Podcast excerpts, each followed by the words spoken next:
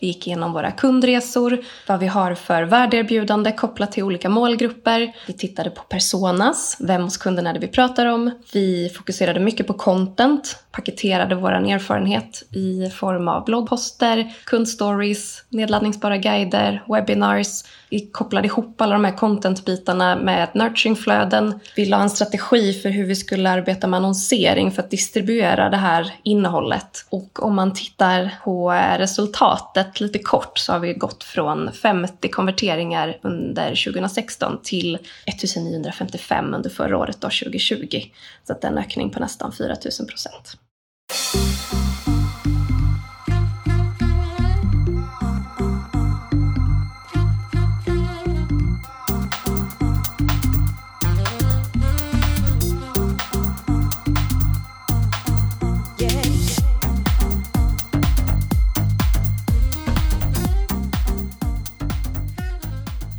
Välkommen tillbaka till Digital marknadsföring med Tony Hammarlund. Det här är en podd där jag intervjuar branschexperter och marknadsförare för att lära mig mer om digital marknadsföring. Mitt mål med podden är att bli en bättre marknadsförare och samtidigt dela mig med av intressanta samtal med några av Sveriges bästa marknadsförare. Nu är det dags för ett case i podden igen. IT-företaget Orango som är en del av Fellowmind startade 2017 vad som skulle bli en framgångsrik satsning på inbound marketing. Eller vad sägs om att gå från 50 till 1955 leads per år och skapa en blogg som tre år i rad har blivit utsedd till en av Sveriges bästa företagsbloggar? Med mig för att prata om det här har jag Emily Hallberg som är marketing manager på Orango och ansvarig för inbound marketing samt det säljdrivande marknadsarbetet. Och Malin Sjöman som är VD, grundare och marknadsföringskonsult på business to business-byrån Crescendo som har varit med under hela Orangos resa med inbound marketing. Vi startar avsnittet med att Emily ger en sammanfattning av caset och vad det är man har gjort med inbound marketing. Emily och Malin fortsätter sedan berätta om hur de har arbetat tillsammans och hur projektet startades. Och de förklarar efter det hur man gick tillväga för att ta fram de kundresor som har varit centrala i inbound marketingarbetet. Vi pratar också om det innehåll som har skapats och hur processen har sett ut för att ta fram det, samt hur de tänker kring distributionen av innehållet. Du får dessutom höra hur man tänker kring leads och leadsgenerering, exempel på hur kundresor och flöden kan se ut och vad som har varit nycklarna till framgången. Emily och Malin delar också sina bästa tips till marknadsförare och marknadschefer som vill göra en liknande resa med sitt innehållsarbete.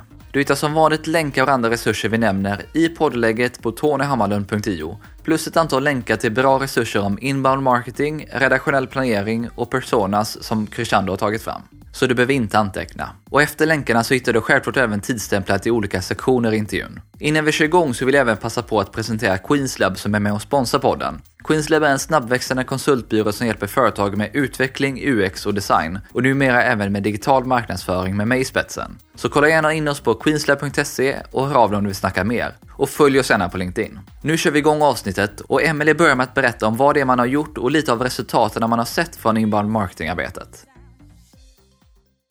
Ja, men vi har jobbat med digital marknadsföring i, i flera år, men det vi har saknat har kanske varit en tydlig strategi och en, ett tydligt arbetssätt för hur vi får ihop alla våra olika delar, processer och marknadsaktiviteter. Så 2017 så tog vi ett beslut om att göra en investering i inbound marketing och tillsammans med eh, en extern partner som blev Crescendo så eh, tog vi ett helhetsgrepp egentligen om vårt eh, arbetssätt och vår strategi för, för marknadsarbetet. Och i det projektet så har vi verkligen lagt en bra grund. Vi gick igenom våra kundresor, vad vi har för värdeerbjudande kopplat till olika målgrupper. Vi tittade på personas, vem hos kunden är det vi pratar om. Vi fokuserade mycket på content, paketerade vår erfarenhet i form av bloggposter, kundstories, nedladdningsbara guider, webinars.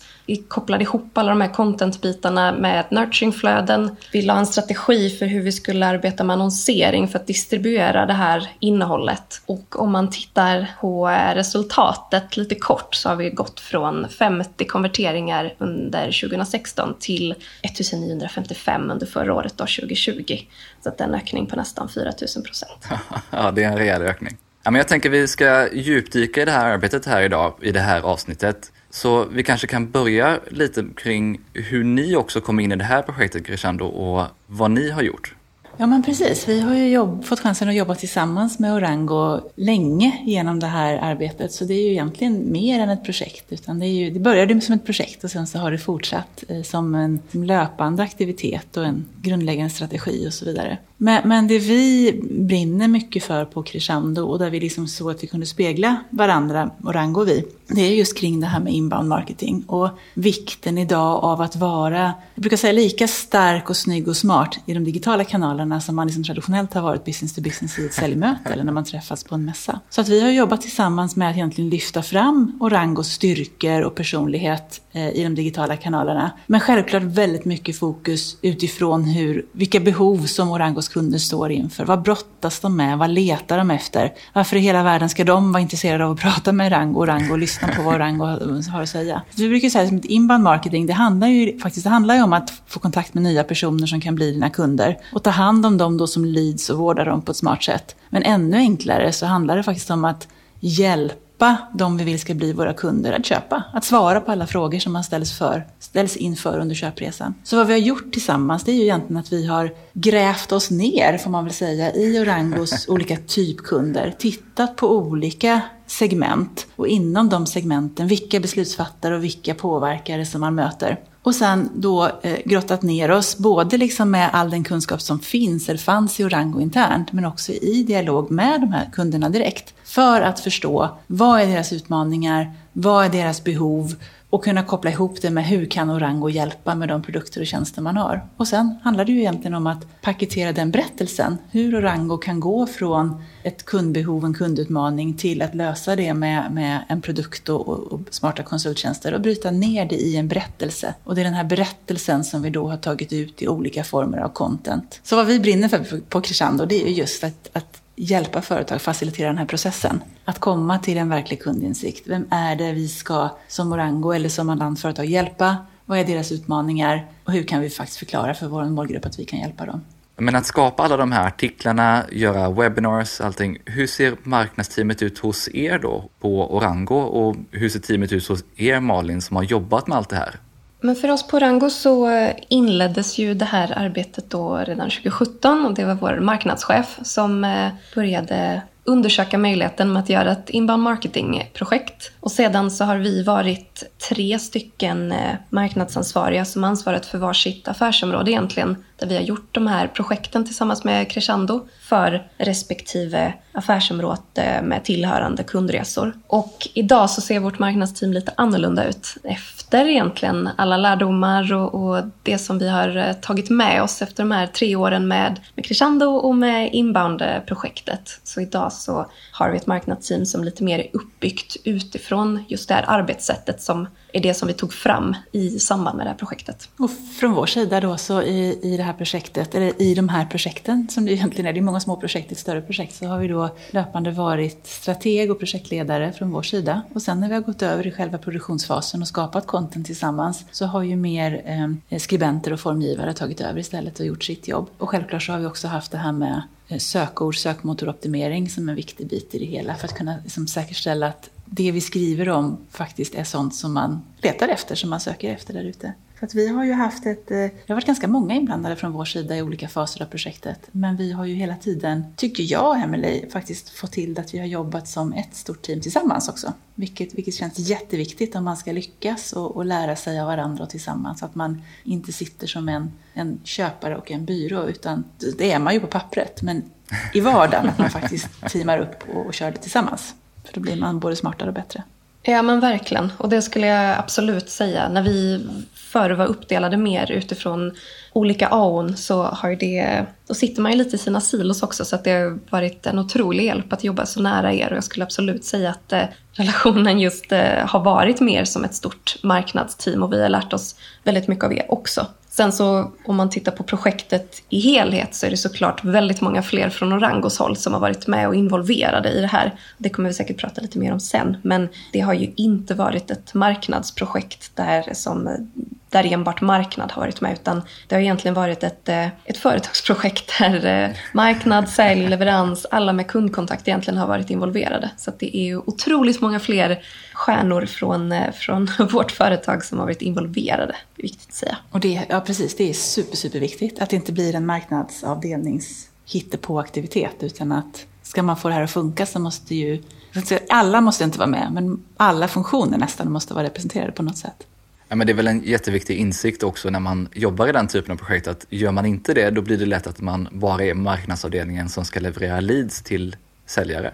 Eller ännu värre, marknadsavdelningen som sitter och klipper, klipper och klistrar content utan Exakt. koppling till verkligheten. Jag tror också om man vill göra, alltså en av framgångsfaktorerna i det här projektet har ju varit att vi knyter ihop alla våra insikter och, och kunskaper vi har om kunden och där finns det ju ingen avdelning eller inte ett team som har den fulla kompletta bilden av kundens resa eller utmaningar och sådär. Utan där har vi verkligen behövt vara alla olika delar från organisationen som träffar kund för att bygga ihop helhetsbilden. Liksom.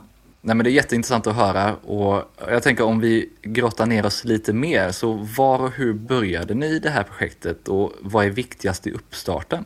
Ja, men ett sånt här projekt, jag tycker ju att det verkligen är superviktigt som vi varit inne på redan, att det faktiskt eh, börjar i, i, i, kundbehoven. Och då menar jag inte våran kund och Rangos behov, utan Rangos kunders behov.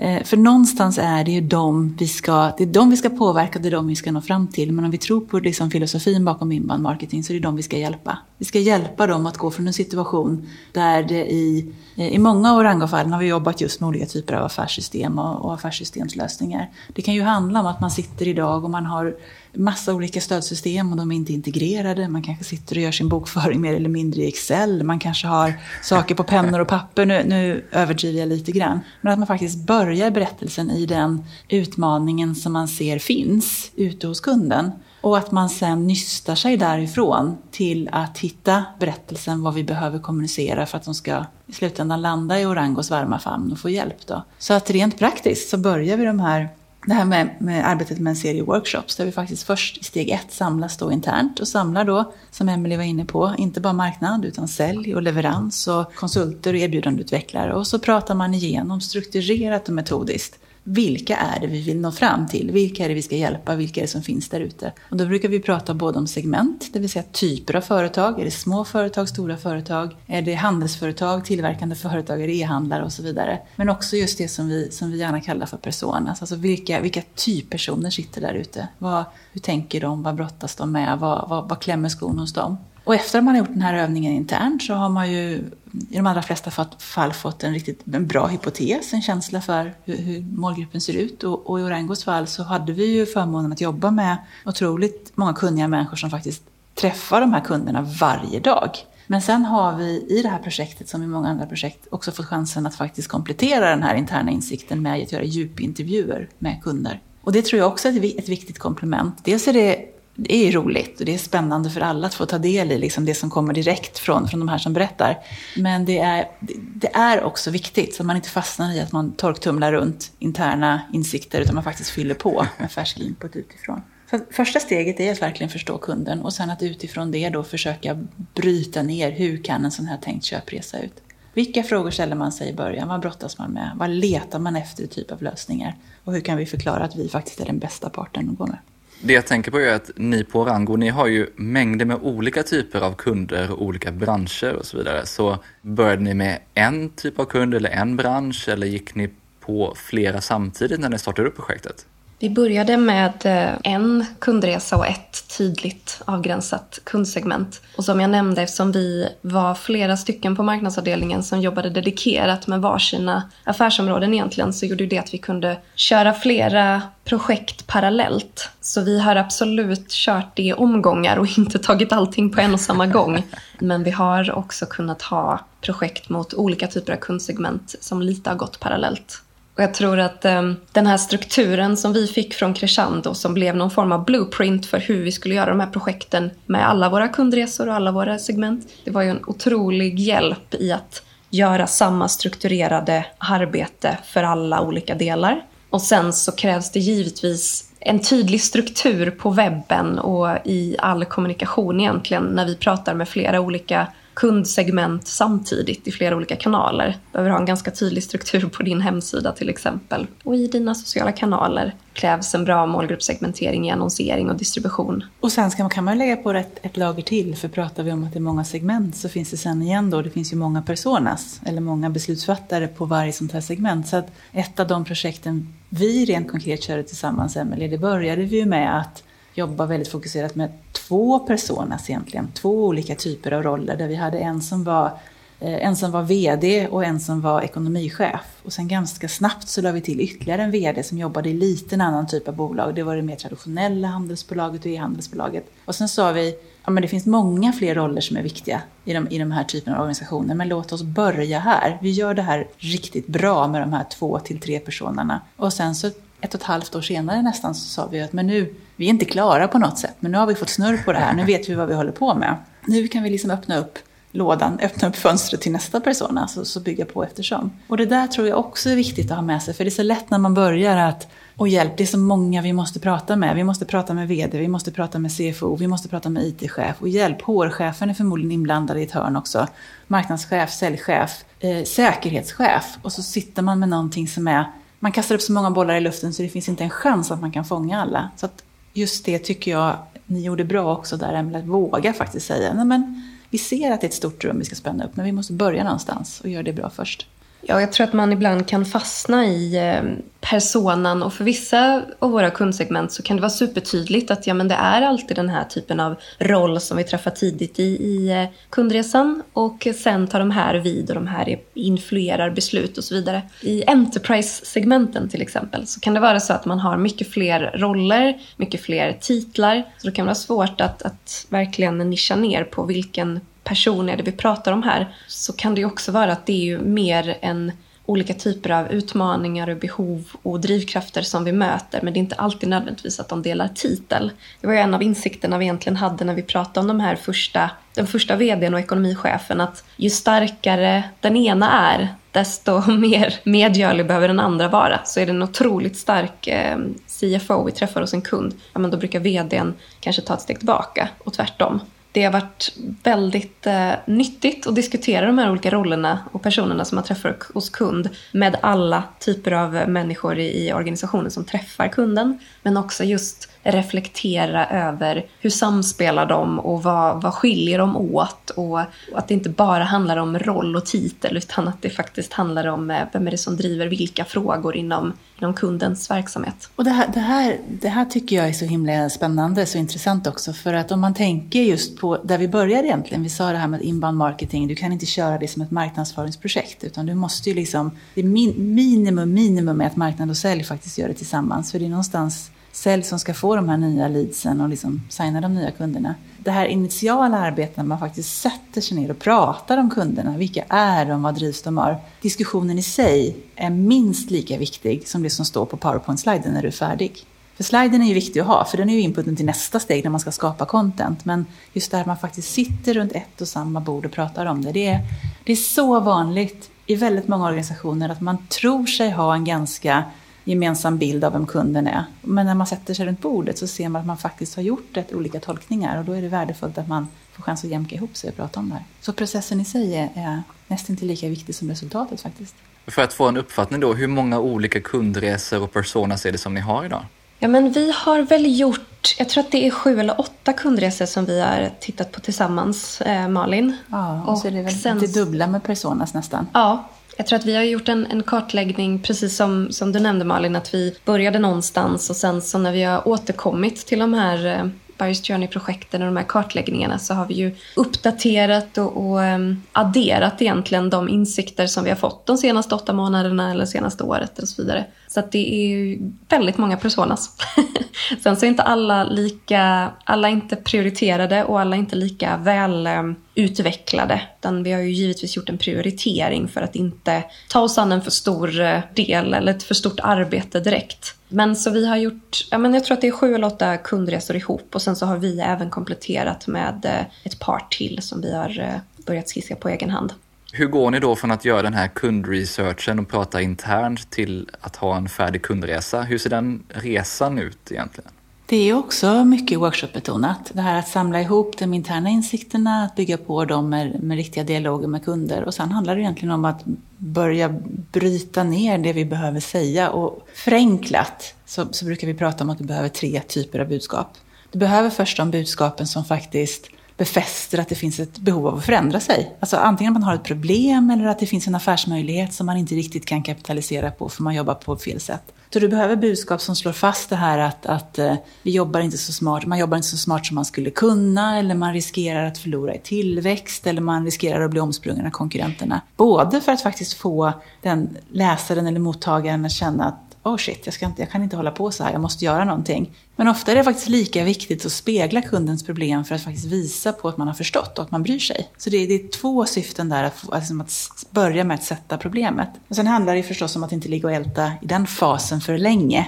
För sen nästa fas handlar ju om, så här går det att adressera det. Eh, sitter du och gör din bokföring i Excel eller på papper idag så finns det faktiskt smartare lösningar. Det går att jobba på nya sätt. Och här kommer ju också ofta det här med kundcase och, och, så här tänker andra och så här har andra gjort. Och sen så kommer du egentligen till den tredje fasen och där, där just i Orango-fallet där handlar det om att förklara. Jag har förstått att jag har en utmaning, att jag måste jobba på ett annat sätt. Jag har förstått att det går att jobba smartare och då behöver jag budskap som faktiskt befäster varför jag just ska vända mig till Orango. Så att det är egentligen att sätta sig med Powerpoint eller Excel eller vad man vill igen och så faktiskt skriva rader med budskap. Vad behöver vi säga för att vi ska liksom kvittera problemet? Vad behöver vi säga för att visa på ljuset i tunneln av lösningen? Och vad behöver vi säga för att de ska fatta att det är Orango som är superduper bäst på att göra det här då?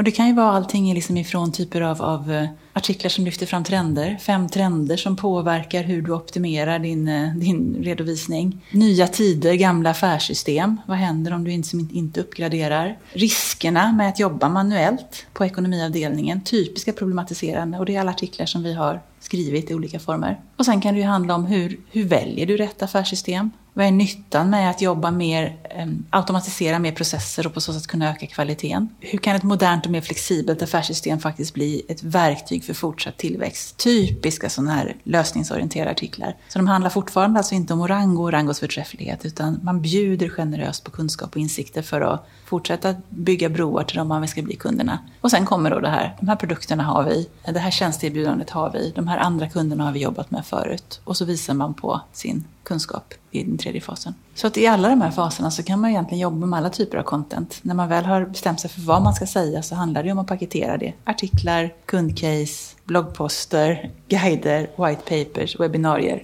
poddar kanske också. Vi är ju ett företag som, som jobbar med ganska komplex business-to-business-försäljning, ofta långa köpresor och, och, och säljcykler. Vi säljer ju samma system eller liknande system som många kollegor i branschen eh, och konkurrenter. Så att det sättet vi differentierar oss, det är ju just att välja vissa typer av eh, branscher eller industrier eller kundsegment som vi går all in på och verkligen förstår kundens utmaningar, förstår vad branschen har för unika behov och sen så paketerar vi den erfarenheten och kunskapen och det är det som mycket av vårt arbete på marknad går ut på. Det var också därför som det var helt självklart för oss att, att inbound marketing är, eh, är den metod vi bör arbeta efter. Ja, men det var jättekul att höra om hur ni tänker kring budskapet som ni tar fram och den processen som du går igenom där Malin. Men om jag ställer frågan till dig Emelie, vilket typ av innehåll är det som ni har skapat då för er på Orango och kan ni ge några exempel på vad det är för något? Ja men absolut. Det är ju eh, precis som Malin eh, nämnde gällande budskapen, att vi tittar på tre olika faser, så har vi även försökt mappa vårt eh, content så att vi har content som just besvarar frågorna och utmaningarna och täcker behoven som kunden har i de här olika faserna beroende på var man är i sin köpresa. Jag har tagit fram bloggposter för hela kundresan för de här olika tre faserna. Och där nämnde ju Malin ett, ett antal olika typer av eh, exempel på rubriker som vi har skrivit om. Jag har tagit fram ett gäng nedladdningsbara guider, eller eh, gated content eller lead magnets som det också kallas som har varit eh, mycket av navet i vårt contentarbete skulle jag säga. Att ha någonting som just går att ladda ner och som gör att vi kan identifiera en, eh, en intresserad besökare på vår webb och jobba vidare med att bearbeta sen. Sen har vi givetvis gjort en hel del kundstories, eh, referenser där vi pratar med kunder och eh, lyfter fram deras story, deras upplevelse och egentligen deras resa. När det gäller video rörligt så har vi gjort både video kopplat till eh, kundstories men även kopplat till våra olika erbjudanden som mer fas 3-content. Och sen så har vi även kompletterat en hel del med webinars. Det var någonting som vi inte körde alls innan 2018 skulle jag säga. Eller vi gjorde i alla fall väldigt begränsat med webinars då. Och nu så kör vi ganska många. Så då är det ju både att webbinariet eh, är live när vi, när vi körde första gången. Men sen så ligger de även inspelade på vår webb så att de går att återanvända och driva trafik till för att ladda ner då själva inspelningen även i efterhand. Innan vi fortsätter att prata om inbound marketing och det här caset så vill jag presentera Frilansfinans som är veckans sponsor. Har du funderat över att börja frilansa eller ta åt ett mindre projekt vid sidan om studier eller jobb, men är inte redo att starta eget företag och vill slippa all administration som följer med det? Då tycker jag att du ska kolla in Frilansfinans som sponsrar det här avsnittet. Det är Sveriges största egenanställningsföretag som låter dig fakturera utan bolag eller F-skatt. Egenanställning gör det superenkelt att komma igång och är perfekt för enstaka uppdrag, mindre projekt eller då du helt enkelt vill fokusera på det du gör bäst. Det funkar lika bra för dig som vill bygga erfarenhet, referenser och tjäna pengar under studietiden, som för dig som vill kunna ta åt dig frilansuppdrag vid sidan av ditt jobb som marknadsförare. Eller för den delen om du vill fakturera något helt annat. Mer information om tjänsten och hur det fungerar hittar du på frilansfinans.se och hälsa gärna från mig. Stort tack Frilansfinans för att ni är med och sponsrar podden. Du nämnde där med att ha leadmagneter eller bonusinnehåll. Så hur mycket fokus ligger på att generera leads i den här processen och hur mycket är att bara leverera informationen?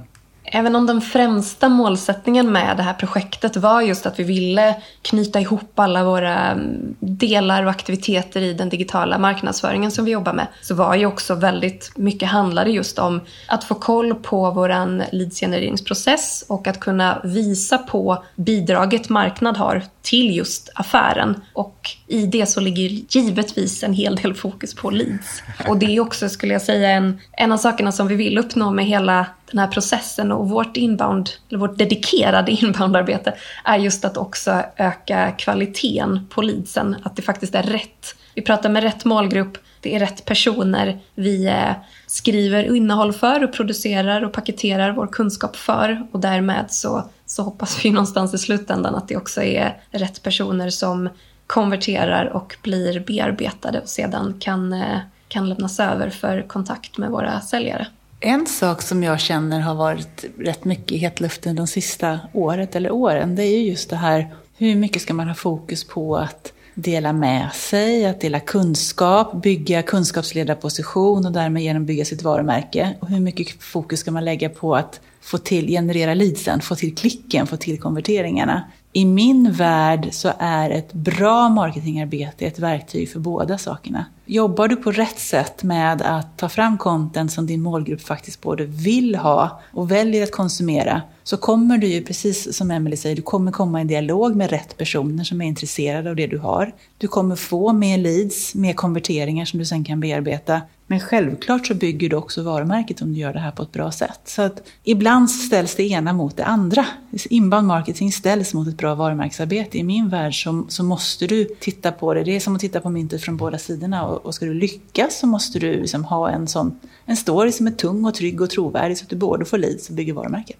Vi har ju många olika typer av kundsegment. Vi har allt ifrån de mindre bolagen som kanske inte har varit igenom så många affärssystemsbyten eller CRM-systemsbyten eller så vidare. Där mognaden och kunskapen om vad den här typen av projekt faktiskt innebär. Och där vill vi givetvis dela med oss av så mycket inspiration och, kunskap som möjligt. För det höjer ju också kvaliteten både på arbetet för kunden men också samarbetet mellan oss som, som partner och kund. Så att det är givetvis ett sätt för att eh, försöka nå rätt målgrupp och i slutändan få rätt affärer. Men det är också ett sätt för oss att hjälpa både oss själva och kunden att få en bättre upplevelse och en bättre kundresa. Ja, och där har vi faktiskt tagit fram ett antal guider som just stöttar det också. Vi har, ju, vi har ju någon guide som handlar om verkligen när du ska byta affärssystem. Det räcker inte bara att köpa ett system och hitta en bra konsult. Du måste jobba, du måste förbereda organisationen.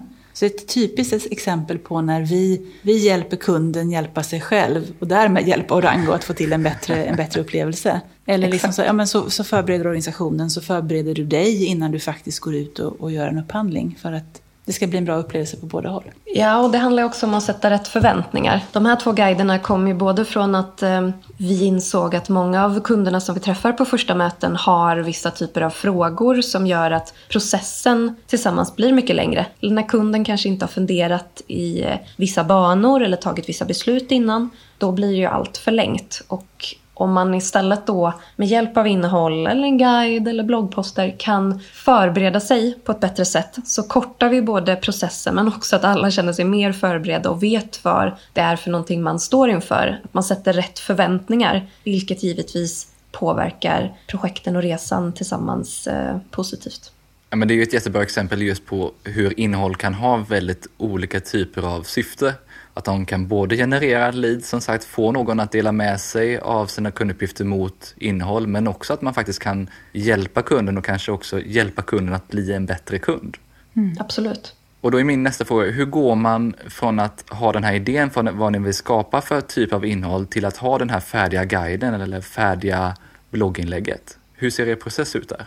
Då är vi tillbaka till de här fina strukturerna igen. Att, eh, ofta när man har börjat och så har man suttit och så har man brainstormat ner så har man ju ofta en väldig massa kloka idéer om vad man kan producera för content. Och då är man tillbaka till det här som alltid är tuffast igen. Välja och välja bort. Att våga fokusera och prioritera. För, för hur, hur mycket resurser man har och hur stor vilja man har så, så finns det liksom någon rimlighetsnivå att men kanske en ny artikel i veckan eller varannan vecka. Man måste välja vad som är viktigast här och nu.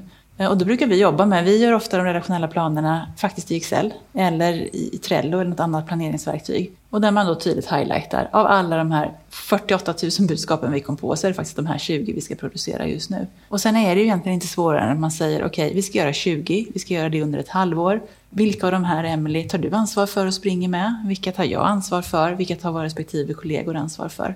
Och sen lite beroende på förstås, är det ett webbinar som ska köras, då är det ju förmodligen Emelies olika kollegor i olika delar av organisationen som, som ska liksom förbereda sig. Kanske få stöd, pepp att ta fram en presentation men sen håller webbinariet. Är det mer liksom, paketerat, färdigproducerat content som artiklar och guider och filmer så blir det ju ofta snarare någon, någon, av oss på byrån som tar lid på det. Men igen, det får inte bli ett hittepå-projekt på byrån heller. Så att i själva produktionen så är det ju ofta väldigt interaktivt. Eh, en skribent eller en fotograf som faktiskt intervjuar en, en sakkunnig person. Och igen, det kan vara allt från en säljare till en teknisk konsult eller en produktutvecklare. Och så skapar man, så skriver man, eller man designar, eller man filmar, paketerar det och så tittar då den som har varit involverad och någon i ML-organisationen på det och ser till att det blir bra. Så, så eh, någon form av brainstorming, prioritering, strukturering, tydlig ansvarsuppdelning, produktion, bidrag och review. Precis som ansvarsfördelningen är, är superviktig så har vi också spesat här att ja, men för det här budskapet eller för den här artikeln då är det den här konsulten eller den här projektledaren eller den här säljaren som vi ska prata med. Så att även om planeringen och strukturen kanske är någonting som görs eh, mellan oss på marknadsteamet och, och, och, er på Crescendo så har det ju också varit att själva redaktionella planeringen är någonting som vi har gjort tillsammans med alla involverade parter i det här projektet. Så även där har ju sälj och kundansvariga och leverans fått vara med och besluta om både brainstorma och prioritera och också komma med input om vem som har bäst input till de olika delarna. Så att det där är ju så jäkla viktigt att man faktiskt gör det tillsammans. För att många av de, många företag, inte minst ni, eh, många företag vi jobbar med är ju väldigt kunskapsintensiva. Så har man inte på förhand sagt faktiskt, nu ska jag intervjua Tony och det ska handla om ungefär det här så är risken faktiskt stor att Tony säger Nej, men jag tycker det här är mer spännande så låt oss prata om det här. Eh, och, och, då kan det sluta med att man har fem artiklar på samma ämne istället för att man får de här artiklarna som faktiskt jackar i varandra. Så att den där eh, avstämningen innan man går in och börjar filma eller producera är superviktig och att man just gör den tillsammans som du säger.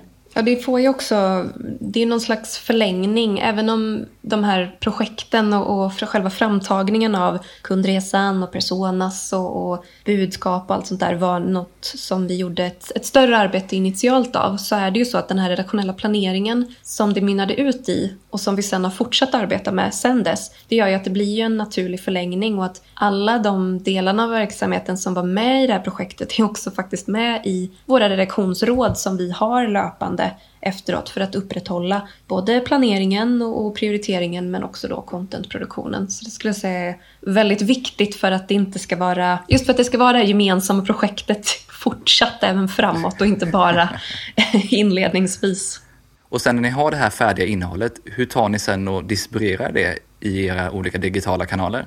Vår webb är givetvis hubben för, för det mesta av vår kunskap och, och, vårt content. Alla bloggartiklar, kundstories, guider, webinars och så vidare finns ju såklart att hitta på vår sajt. Och sen så brukar vi även göra så att när vi eh, lägger upp ett nytt och publicerar ett nytt blogginlägg till exempel så delar ju vi det även organiskt i våra sociala kanaler. Och sen så har vi även den betalda delen så där vi använder annonsering för att distribuera contentet. Och i början så var vi ganska breda där. Gick ganska brett i många olika kanaler. Vi använde både LinkedIn och Facebook för att dela vårt innehåll ganska lika budskap för de olika kanalerna och gick, ja men så här, man är ju superpepp när man har skapat bra content och man har sin första guide. Då vill man dela med sig av den. Och där Hela världen smal... måste veta. Ja men lite så, exakt.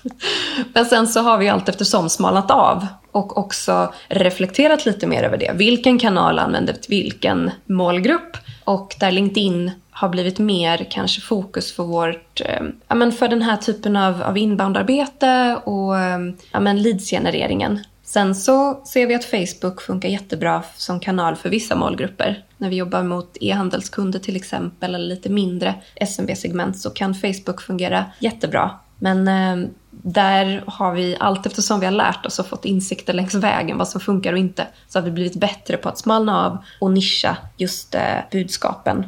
Så när det gäller annonsering så använder vi ju Google Ads som någon form av trafikdrivande always on-annonsering. Vi använder som sagt LinkedIn och Facebook för aktivering av vårt content. Och sen så använder vi även Lead Ads eh, som är en eh, annonseringsform på både LinkedIn och Facebook för våra webinars till exempel för att kunna anmäla sig då direkt via till exempel LinkedIn så man slipper fylla i saker på till ett webbinar. Och där vet jag Malin, där, vi har pratat mycket om distribution för det är ju en av dina hjärtefrågor det här med att eh, pro producerar man bra content så, så spelar det ingen roll om ingen får se det utan det är just distributionen som man inte får. Ditt content har ingen värde om det inte når fram, så absolut. Och det, det kanske var en sån här naiv tanke för när vi började jobba med content sen mer metodiskt för nästan ja, drygt tio år sedan. Så tror jag att vi, vi var lite naiva och tänkte gör vi bara riktigt bra content så kommer det sälja sig själv. Och har vi hört det förr från produktsidan, gör vi bra produkter säljer de sig själv. Och sen trodde vi gör vi bra content så säljer det sig själv. Men en, en, en bra inbound-strategi har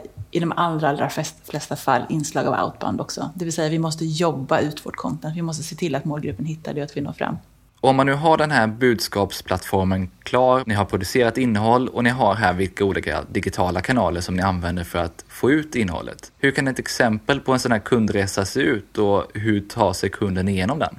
Om man tittar på till exempel ett av våra kundsegment som ligger inom SMB-segmentet, så eh, små och medelstora bolag inom handel till exempel, så har vi ju, precis som vi har nämnt innan, vi har en hel del bloggartiklar som eh, hamnar tidigt i fasen, som pratar om eh, vilka utmaningar den här typen av bolag har, vilka mm, frågor och funderingar man kan ha när man stöter på problem. Man har, sitter i gamla system som inte längre stöttar tillväxten, man har nya regler eller lagar som gör att man behöver göra någon form av ändring eller man sitter och har insett att man är väldigt personberoende med vissa typer av resurser man har internt till exempel. Då kan man ju hitta de här blogginläggen på lite olika sätt. Både via vårt SEO-arbete, alla blogginlägg är givetvis eh, SEO-aktiverade, eller SEO-optimerade menar jag. Vi delar dem i våra organiska kanaler, vi delar dem också via våra betalda kanaler. Och i de här artiklarna så har vi givetvis call to actions. Så att oavsett vilka blogginlägg man hamnar på så finns det en möjlighet att ladda ner till exempel en guide. Så i den här kundresan så har vi en guide som handlar om just hur man väljer rätt system för sin verksamhet när man har eh, insett att nuvarande lösningar inte stöttar tillväxten. Och när man har laddat ner en sådan guide så har vi också ett lead nurturing-flöde kopplat till det. Där vi tar den här eh, potentiella kunden genom ett antal olika automatiserade mejl där vi tipsar om eh, andra bloggartiklar vi har skrivit, vi tipsar om olika kundcase. Vi tipsar om en till guide som handlar om hur man kan förbereda verksamheten för ett just ett sånt här systembyte. Vi tipsar också och bjuder in till webinars som är kopplat till då ett speciellt erbjudande för SMB-segmentet Så genom det här flödet så är givetvis förhoppningen att vi genom att mappa då det här olika contentet som vi har skrivit genom de olika faserna kan ta den här potentiella kunden genom kundresan och närmare avslut eller mål. Och där så när man laddar ner en guide så är det en konvertering. Så det har vi ju, det mäter vi ju. Och sen så har vi olika typer av eh, faktorer eller mätpunkter som vi behöver uppfylla för att just gå från att vara en, en konvertering, det vill säga en identifierad besökare på sajten till exempel, till att bli ett marketing lead och sen senare även då ett sales lead. Det här, är ju, det här tankesättet är ju lika viktigt, för vi var inne på det här att det räcker inte att göra content, du måste aktivera det. Och sen när du har gjort ditt content, har du då jobbat så här metodiskt och tänkt till så här, så här ser en köpresa ut, vi behöver de här budskapen, vi skapar det här contentet. Så måste vi ju sen hjälpas åt att sy ihop det igen. Precis som du säger, att har man läst en artikel så finns det en call to action, ett tips om nästa steg och nästa steg och nästa steg. Ska man vara liksom hela inbound-metodiken trogen så, så gäller det ju att jobba så här både offsite, det vill säga med marketing automation, med eh, att man eh, successivt skickar ut nya tips och nya idéer, men lika mycket onsite. Det finns ju väldigt många gamla företagssajter idag där liksom varenda sida man ramlar på är lite mer en återvändsgränd. Det finns en sidfot längst ner och sen är det slut. Men, men har du liksom tänkt content och tänkt köpresor så, så, så, så har du ju alla förutsättningar att börja länka ihop det och jobba med call to actions hela tiden på sajten eller genom ditt marketing automation system. Och igen, det handlar ju om att hjälpa någon att adressera sina utmaningar och därmed hjälpa dem att köpa och förhoppningsvis köpa av dig. Och då måste du liksom hela tiden, det är lite nudging, knuffa dem vidare på den här resan med nya tips och idéer. Ja, och det är klart att innan vi började det här arbetet så hade vi ju inte så mycket content. Och vi hade inte... Så att våran webb har ju också gått igenom en, en utveckling allt eftersom att vi har både tittat på de här kundresorna, vad har man för olika behov och, och utmaningar i olika faser, men också att vi har skapat allt content. Så att det har ju gjort våran sajt mycket mer hjälpsam mot en besökare. Just för att, precis som du säger Malin, att vi kopplar ihop. Har du läst det här, då är du antagligen intresserad av det här en effekt av det här har ju blivit att vi har blivit bättre med just att hjälpa besökaren vidare, att internlänka, att bli mer hjälpsam, att det ska inte finnas några återvändsgränder på sajten. Och har man hela tiden det i bakhuvudet, att det är, ja vi vill ha konverteringar, men det är inte den första konverteringen som är slutmålet, utan slutmålet är att hjälpa någon att köpa, så faller mycket av det här det faller ut. Liksom. Om, man, om man vågar sätta sig och tänka en stund att vi ska faktiskt inte bara få en e-postadress utan vi ska hjälpa någon att ta sig hela vägen så blir det rätt logiskt. Ja, men det är jättekul att höra hur er process ser ut för att just ta ett, en besökare från det till att bli ett lead. Du var inne lite i början också på det här med hur många lead ni har konverterat. Att ni har gått från 50 konverterade leads till närmare 2000. Så vad har ni sett för resultat från hela det här arbetet över de här åren?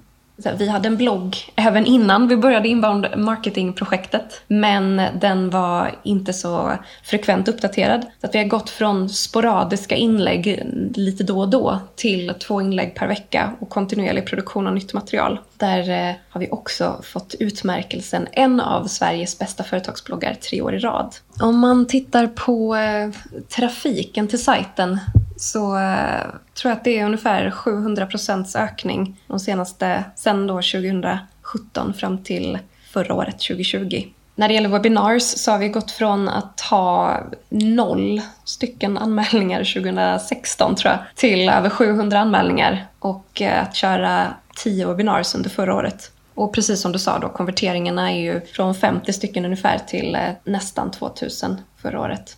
Så att andelen trafik, andelen eh, potentiella kunder, andelen eh, leads som vi kan eh, hjälpas åt att vårda och, och försöka hjälpa vidare i kundresan har ju ökat otroligt mycket. Om man tar den här kundresan som vi pratade om alldeles nyss för, för SMB-segmentet inom handel så hade vi förra året ungefär 900 konverteringar som kom just i, till den resan med 120 kvalificerade leads och 30 affärer ungefär. Så att eh, det har ju absolut gett väldigt mycket effekt både för hur vi arbetar, alltså strukturen, strategin. Vi vet vart vi ska, vi vet vad vi eh, ska göra, vi vet hur vi ska göra det, vilka som är inblandade och vi har också sett eh, effekterna av det och ett resultat. Och givetvis är det så att olika köpresor, olika kundresor, olika målsegment eller olika kundsegment är ju olika. När vi tittar på SMB så är det ett segment som ehm, är ganska digitala, är kortare säljcykel så att där har vi ju sett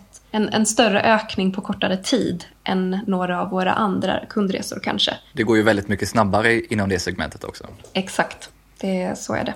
Ja, men det är jättekul att höra just hur stor effekt det här arbetet har fått. Det tar ju också dessutom ganska lång tid för vissa av de här segmenten att se effekten för att det är långa köpresor. Men om ni skulle sammanfatta lite, vad har ni för tips till företag och marknadschefer som vill göra en liknande resa med sin inbound marketing och sitt innehåll? Ja, men mycket har jag varit inne på tidigare, men jag ska ju säga att det börjar på något sätt i, i att du förankrar det du vill åstadkomma. Du måste få med dig, om inte hela företaget, eh, ledningen, eh, säljorganisationen, förmodligen erbjudandeorganisationen. Ska jag säga att kan du inte få med dig alla, kan du inte frälsa hela, hela företaget på en gång, så börja i lite mindre skala. Hitta, hitta ett kundsegment eller ett affärsområde där du har personer som ser värdet av att jobba smartare digitalt på samma sätt som du. Eh, så att se till att du har med dig fler än bara marknad, förankra aktiviteten och, och se till att ni jobbar väldigt tajt tillsammans. Jag skulle säga att det är väl den allra viktigaste rådet då. Och, och kopplat till det förstås att den här inbound marketingstrategin och content marketingplanen du gör, att det finns en tydlig koppling mellan den och den övergripande affärsstrategin och säljmålen. Min största oro med marknaden är att marknaden hamnar i det här igen. Jag nämnde för klipp och klistra skråt, att man gör roliga saker, men hur sjutton kopplas det till affären? Så få med dig, få med dig kollegorna och, och visa på hur det du, du gör inom inbound-satsningen ska bidra till affären. Så att man inte fastnar i det här som sagt att skapa innehåll som får följare och likes och så vidare men eh, levererar inte så mycket affärsvärde. Precis, och det kan ju hända att man hamnar där ändå. Eh, för det är ju också, det är också en sån här grund, grundprincip att du vet ju inte från dag ett vad som är rätt. Men våga ta steget och börja prova och testa och mäta och följa upp och skruva och vidareutveckla. Du kan inte sitta år efter år och producera content som, som du säger, som, som får klick men som inte genererar affärer. Och sen också det vi har pratat mycket om, att all content, alla inbandsstrategier måste ha utgångspunkten att du vill hjälpa någon lösa sina problem. Du måste börja berättelsen, budskapen, flödena i en riktig kundutmaning. Därför måste du förstå dina kunder och vad de brottas med. Så att du sen med ditt innehåll och dina digitala kundresor kan hjälpa någon att ta sig från att ligga vaken på nätterna eller ha magknip och hitta en lösning på sina problem. Då har du mycket, mycket större chans att lyckas. För då finns det någon som är intresserad av det du pratar om och någon som vill lyssna och någon som vill ta del av ditt content. Ja, men jag håller, instämmer helt i vad du säger Malin. Jag tror också så här, man ska börja i rätt ände.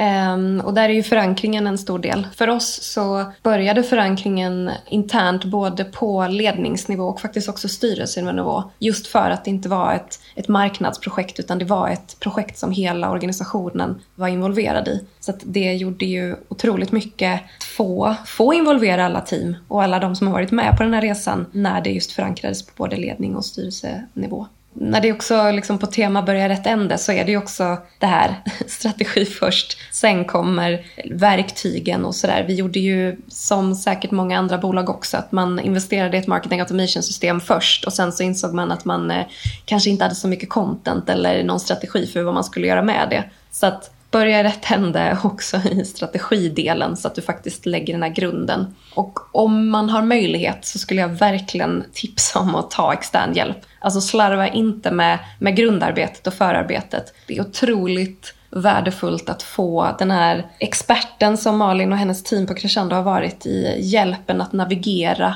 bland alla interna kollegor och resurser som har varit med i det här projektet. Det är, vi sitter ju och har olika arbetsuppgifter och man prioriterar olika och man har olika kunskapsnivå. Framförallt om vad är inbound och hur nära jobbar man kunden och så vidare. Så det har varit ett väldigt värdefullt att ha hjälp i att just facilitera de här olika projekten och få hjälp med strukturen och det här, ta fram den här blueprinten för liksom hur vi tar fram hela det här arbetet för alla våra kundsegment. Och sen så blir det givetvis att när vi gör projektet tillsammans så mynnar det också ut till att vi får ett gemensamt fokus. Att marknad jobbar på samma målkunder och samma kundsegment som sälj och som vi också ser att vi ska jobba på. Så att gemensamt projekt ger er naturligt ett gemensamt fokus och det är väldigt viktigt.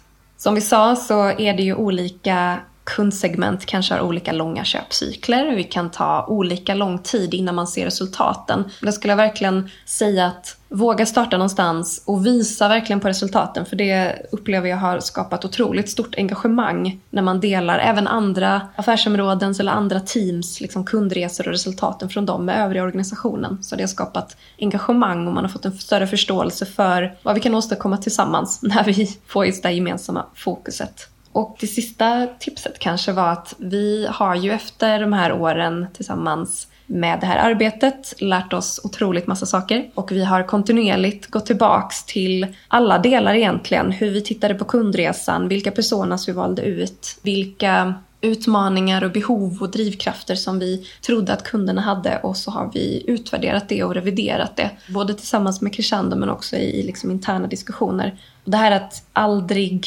låta sig vara nöjd eller att inte göra det stora grundarbetet och sen låta det bli en pappersprodukt, en powerpoint som ligger någonstans utan att faktiskt komma tillbaks till det. Vi har ju lärt oss otroligt mycket saker så efter ett och ett halvt år så ser man förändrade kundbeteenden eller man ser nya trender. Precis gått igenom en pandemi som påverkar den digitala upplevelsen till exempel så att det finns hela tiden saker som man behöver ta hänsyn till. Och det ja, tror jag man gör. Superbra. Jag tycker det är en jätteeloge till er också just att ni har gjort det här, att ni har, att ni har så här, orkat gå tillbaka. Men det är så lätt att man hela tiden rusar på, tänker nytt, ångar framåt, mer content, nya målgrupper. Men jag tror att nyttan och, och ROI på den här investeringen som det är, den ligger mycket i dels att våga återvinna, återanvända content, kanske putsa upp det, men, men, att sen gå tillbaka som du säger, liksom, titta in i de målgruppsbeskrivningarna, uppdatera, göra dem bättre. Så att hela tiden vidareutveckla och förädla.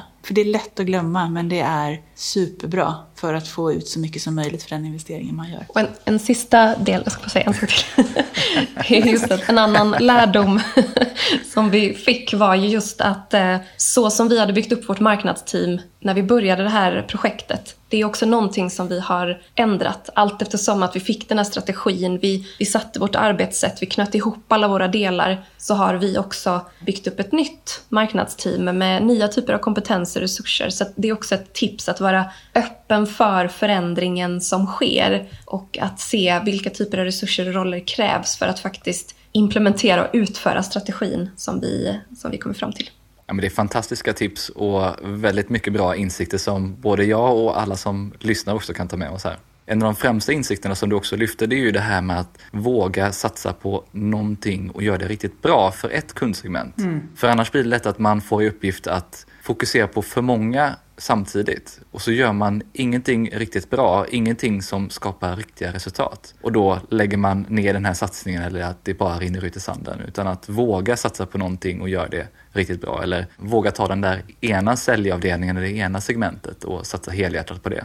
Det är ju skitjobbigt, för vi vill ju så gärna vara snälla, schyssta och hjälpa alla. Det, det. Ibland måste man säga nej för att kunna säga bättre ja. Sticka elefanten som du brukar säga Malin. Mm. det tycker jag är ett fantastiskt sätt att avsluta den här intervjun på. Stort tack för idag båda två där.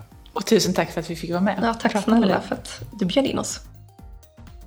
Det är väldigt många som har frågat efter ett business to business case, så det var väldigt kul att få med Emily och Malin att berätta om Orangos inbound marketingarbete. Och förhoppningsvis gillar du också avsnittet. Det är imponerande att höra vad man har lyckats med och det målinriktade arbete som ligger bakom framgångarna. Och det var häftigt att höra hur man har lyckats förankra arbetet så väl internt, både mellan avdelningar men också på ledningsnivå, något som ofta är en stor utmaning. Här är så vanligt mina tre främsta insikter från intervjun. Jag fick återigen bekräftat hur viktigt det är att börja med ett specifikt case, segment eller produkt för att visa resultat först där och sedan skala därifrån. Det är väldigt svårt om inte omöjligt att bygga allt på en gång. 2. Kopplat till det också att reflektera och använda det man lär sig för att utveckla allt från kundresor till innehåll och arbetsprocesser. Och det var intressant att höra hur man till och med förändrade sitt marknadsteam utefter vad man lärde sig under arbetets gång. Och 3. Att det gäller att skapa kundresor med tydliga flöden både genom marketing automation och lead nurturing, men också på sajt genom rätt internlänkning och call to action i innehållet. Internlänkning som dessutom gör underverk för SEOn. Gillar du avsnittet så hade jag varit grymt tacksam om du tipsade vidare om både det och podden. Och glöm inte av att prenumerera om du inte redan gör det.